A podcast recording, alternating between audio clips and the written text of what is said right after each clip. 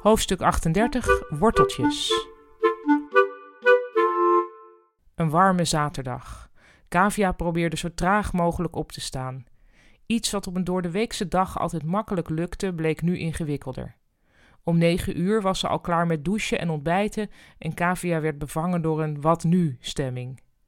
Ze overwoog om naar de biologische markt te gaan, maar ze herinnerde zich op tijd dat het daar was vergeven van de vrouwen van eind dertig die een kaasverkopende natuurman aan de haak probeerden te slaan. Dan maar een praktische dag. Ze stofzuigde, maakte de wc schoon en nam haar fornuis af. Ze zette haar bank tegen een andere wand.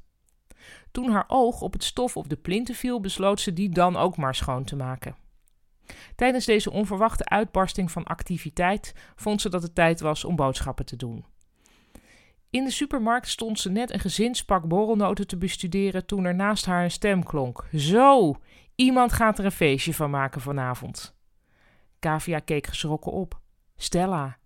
Human Resources, daar wilde je niets mee te maken hebben en zeker niet op zaterdag in gezelschap van een kilozak verzadigde vetzuren. Hé, hey, Stella, overcompenseerde ze. Ik loop maar wat te kijken hoor. Woon je hier in de buurt?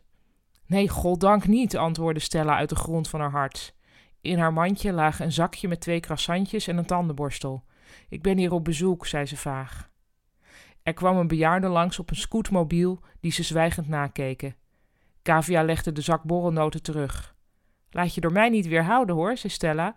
Nou, ik zie je maandag weer. Prettig weekend. En haar hakken klikten weg. Jij ook, riep Kavia. Ze kwamen elkaar nog vijf keer tegen tussen de verschillende schappen, waarbij ze elkaar elke keer weer moesten toeknikken. Kavia had expres worteltjes in haar mandje gelegd en hoopte dat Stella die nog zou zien.